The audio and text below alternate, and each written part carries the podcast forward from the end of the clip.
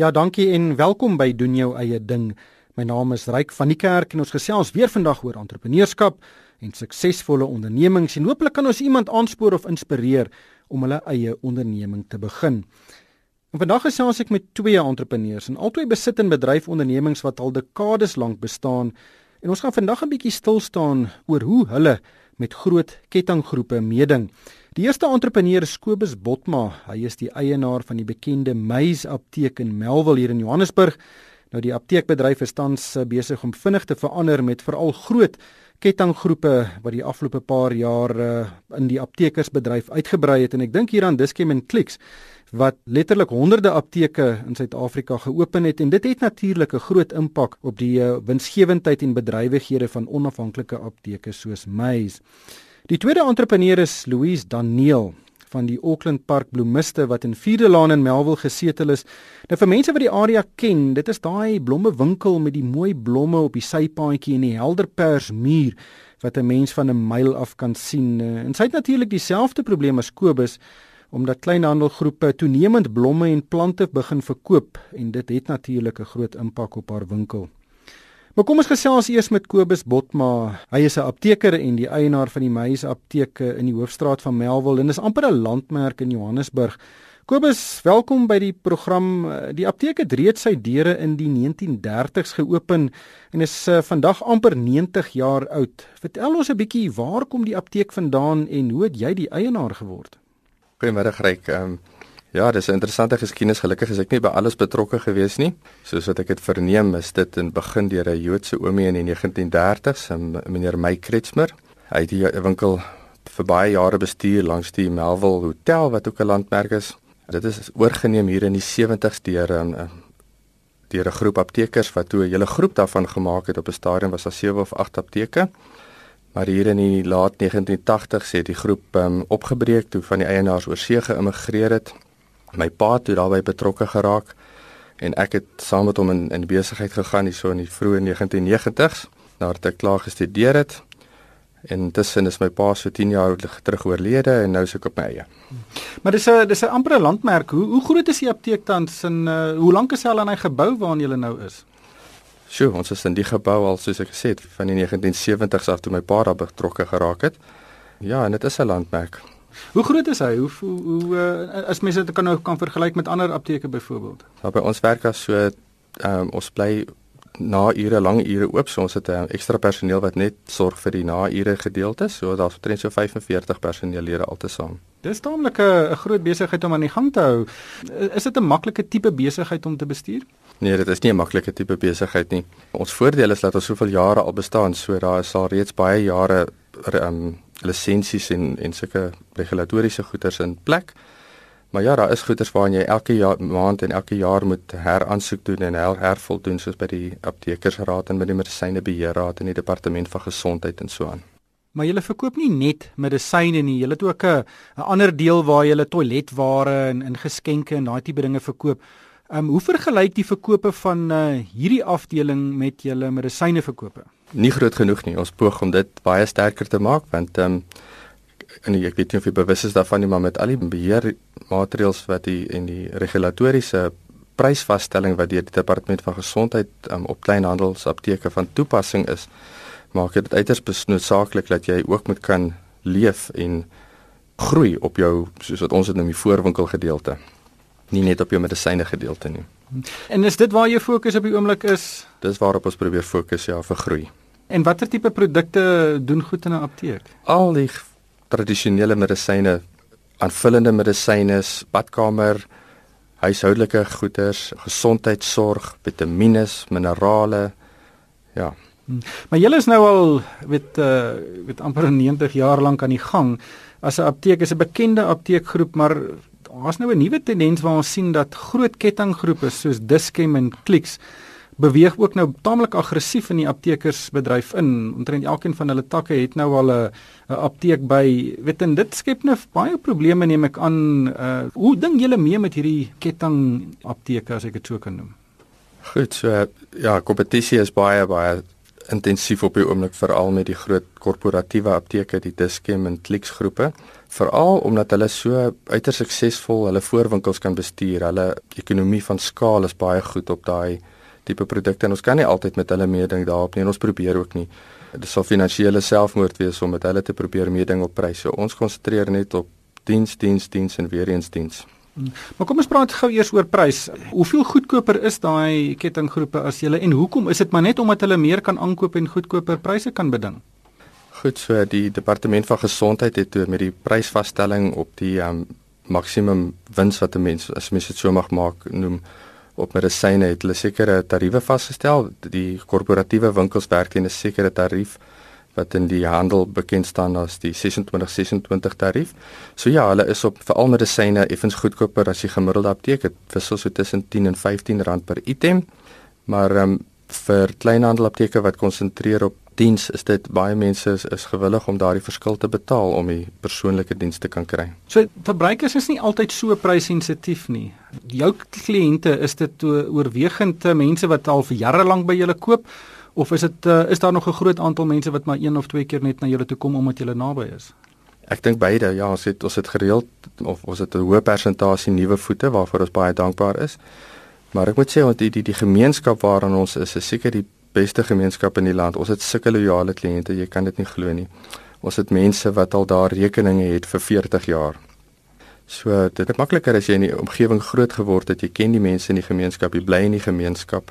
Hmm en ehm um, dit bring uiterse lojaliteit. Maar wanneer sien jy nou iemand wat sê so jong, julle is raak nou heel wat duurder as Diskem, ek moet hierdie pille elke maand koop. Hoe groot kan daai gaping gaan voordat daai persoon nou gaan skuif Diskem toe byvoorbeeld? Dit kan baie groot word en dit is veral waar se die gevoeligste voor is en om um, is die veral die kroniese medisyne gebruikers, die pensionaars, die mense wat hoor hoeveel hulle kroniese medisyne elke maand gebruik. Ons het baie van hulle verloor.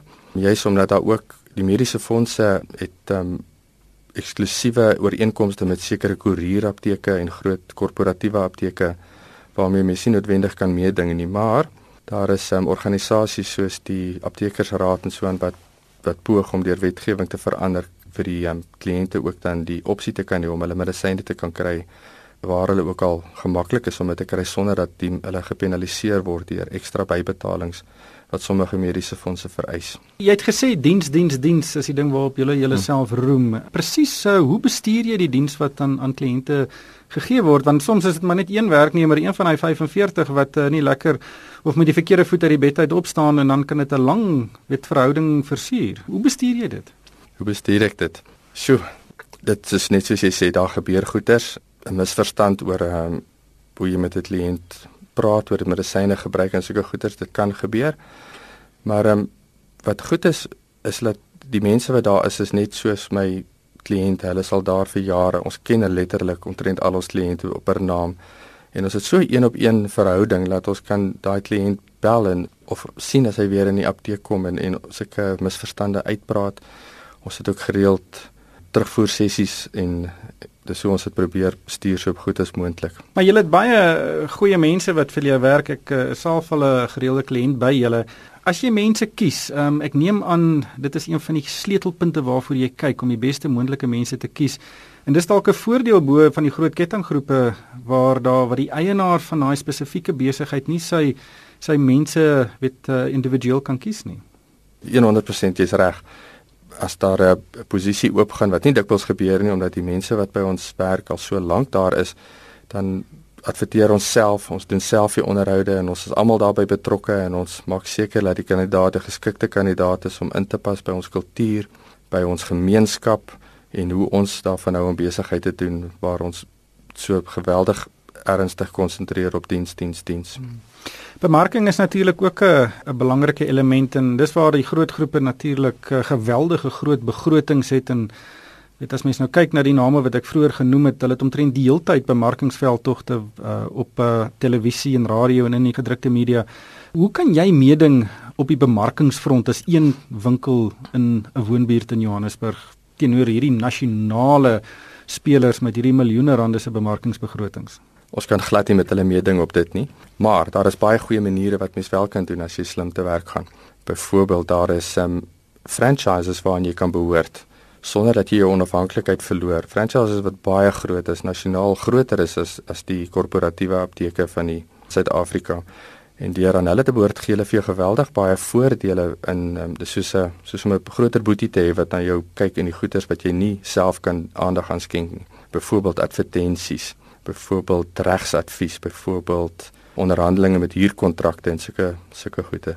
Soos watter konsessies so praat jy nou van? Soos die franchise wat ons aan behoort is uh, die Alpha Farm franchise wat regtig nasionaal is en nie net nasionaal nie, daar's letterlik 'n Alpha Farm onafhanklike apteek op elke dorp, elke geheugie, elke groot stad in die land.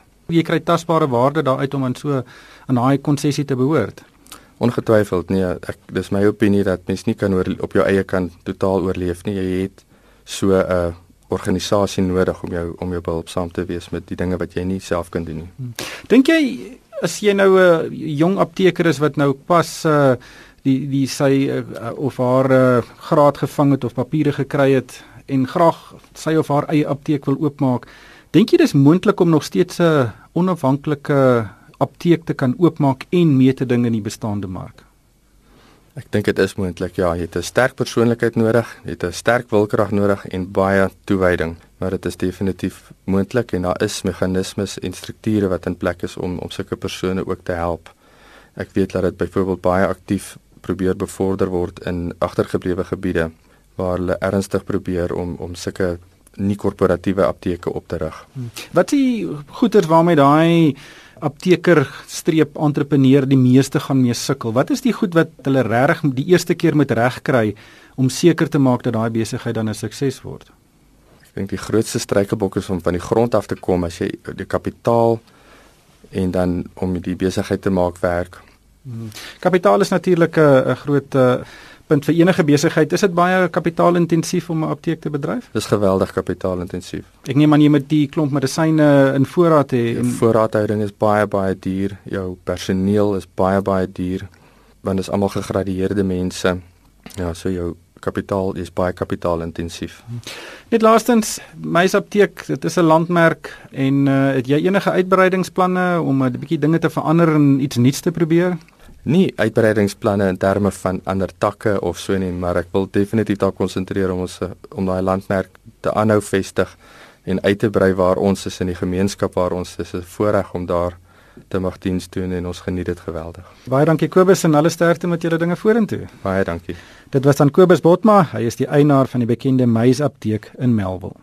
Die tweede entrepreneur met wie ek vandag gesels is Louise Daniel van die Auckland Park Bloemiste wat toevallig ook in Melville in Johannesburg geleë is. Nou almal wat al in 4de Laan in Melville afgery het, het al sekerlik hierdie winkel gesien. Dit is die ene met die donker pers muur en die winkelpoppe en blomme wat op die sypaadjie staan. Nou die persmuur is veral opvallend en 'n mens kan dit van 'n myl af sien. Louise, welkom by die program. Vertel ons 'n bietjie van die persmuur. Uh jy het dit onlangs so geverf uh, en kan jy sien dat dit meer voete na die winkel lok? Mense sien ons nou definitief. Definitief sien mense ons nou. Jy kan dit nie mis nie. 'n Vriendin van my die Goldstein het ingetrek met haar klere in my winkel en ons het besluit om alles te verander. Dit maak 'n baie groot uh goeie indruk. Maar vertel ons, ehm um, waar kom uh die Auckland Park bloemiste vandaan? Die besigheid bestaan al 'n hele paar jaar. 'n Hele paar jaar. 40 jaar in Melville. Ons is een van die oudstes, ja. 40 jaar is 'n lang tyd. Jy uh hoe hoekom jy noem die besigheid Auckland Park uh bloemiste maar dis in Melville geleë. Hoe werk dit? Ek het geen idee nie. Dis nog altyd Auckland Park bloemiste gewees. Ek probeer af een van die ou eienaars te kry om te vra, maar almal is al weg. So nou hou ons dit maar. Almal ken haar as Auckland Park en ons hou dit maar so. Jy het 6 jaar gelede die besigheid gekoop. Uh, hoe het dit gekom dat jy die besigheid gekoop het en en hoekom 'n bloemiste? 'n uh, Goeie vraag. Uh, ek het gestudeer vir ehm um, musiekteater. 6 jaar terug, 7 jaar terug het ek verby die winkel geloop. En dit was 'n pragtige klein winkeltjie. Ek het gedink, my ouma was 'n bloemiste, my ma was een. En ek het gedink 'n maklike ding om te doen.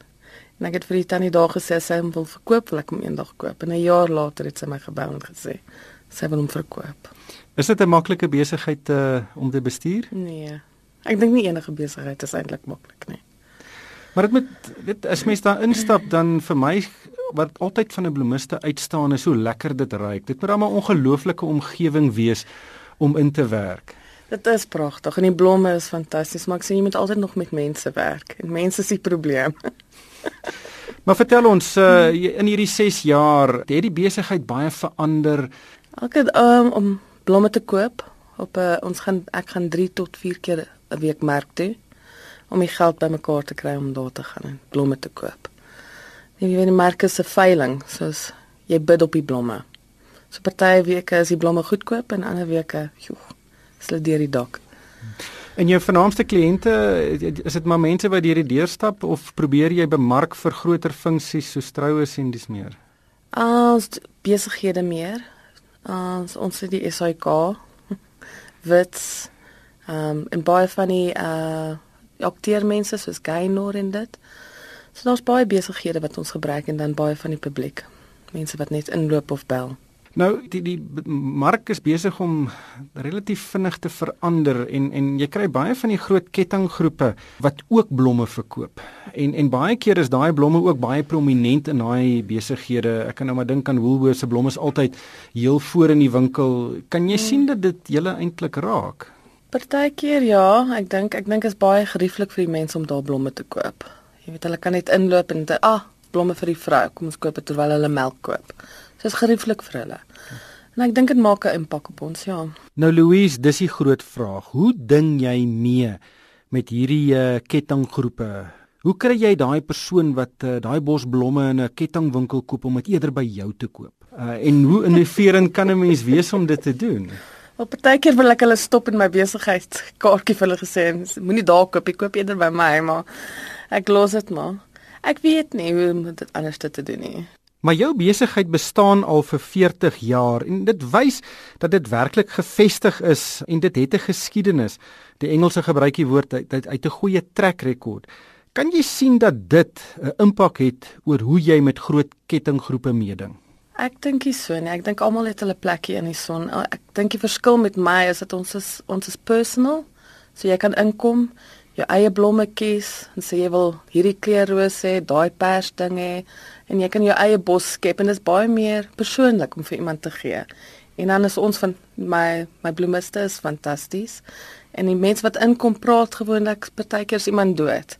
En dan kan ons dan sit hulle op 'n lekker stoel en ons kan praat en Ag dis dis dis dis 'n personal ding.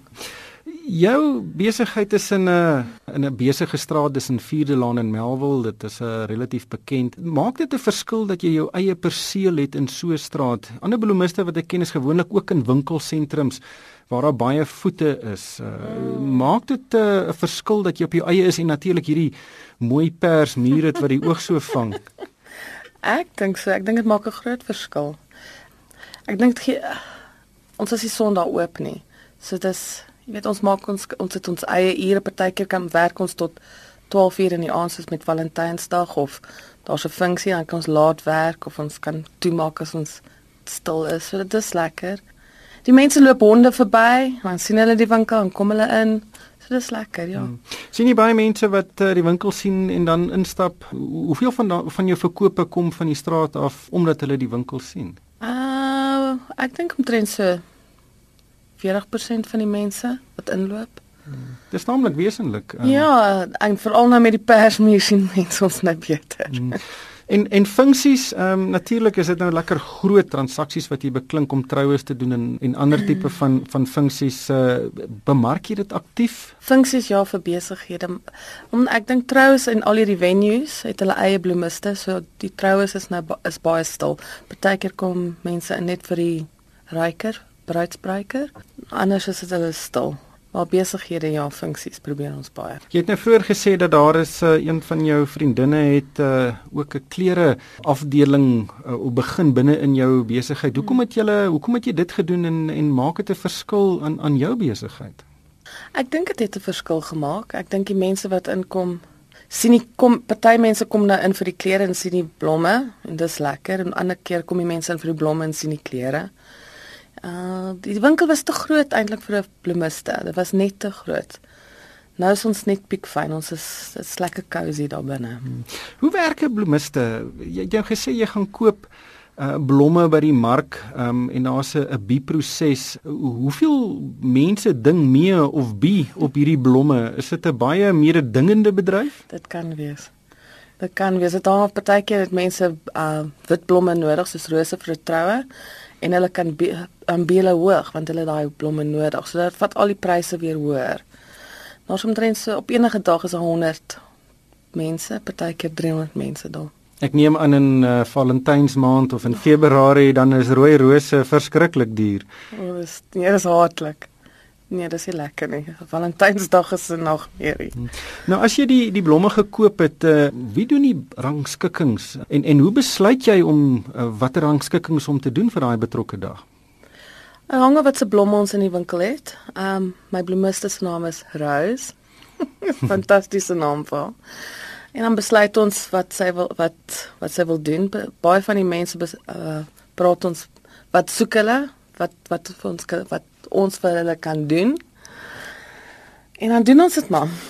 Maar dit is 'n talent om om blomme te rangskik om iemand dan te kry om 2-300 rand daarvoor te betaal. Definitief. En die snaakse ding is en ek is nou eers na 5 jaar dat ek self nou blomme doen.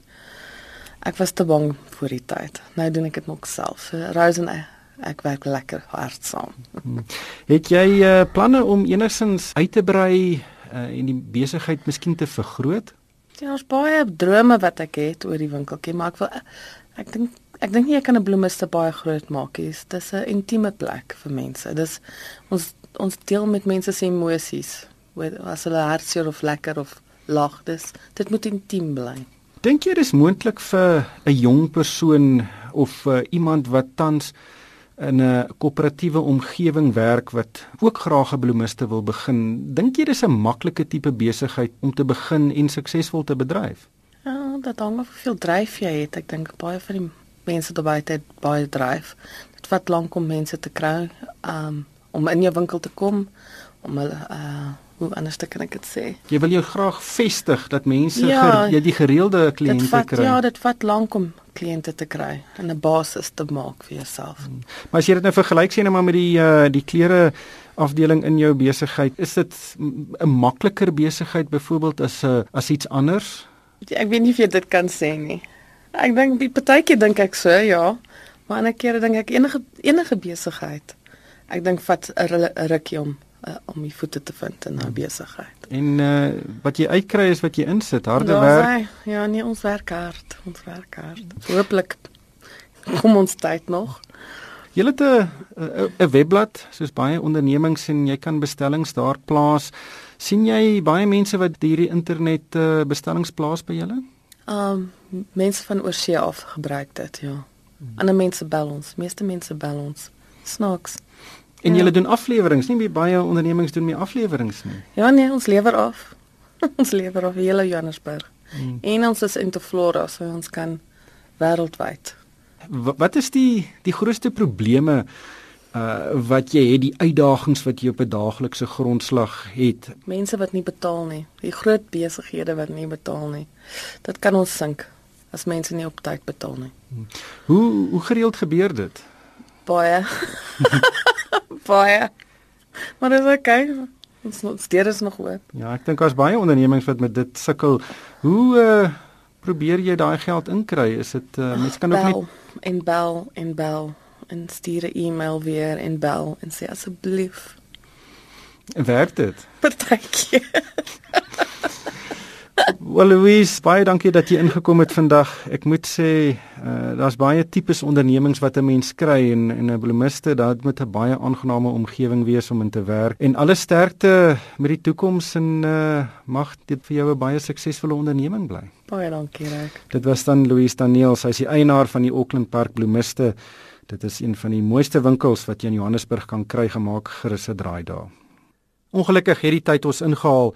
'n Potgooi van hierdie program sal 'n bietjie later op die RSG webwerf beskikbaar wees. Dis www.rsg.co.za. Dit sal ook wees op die Moneyweb webwerf by moneyweb.co.za. Luisteraars is uh, welkom om vir my 'n e-pos te stuur. My adres is lekker maklik. Dis ryk@moneyweb.co.za. En daarmee moet ek groet van my ryk van die kerk. Dankie vir die saamluister.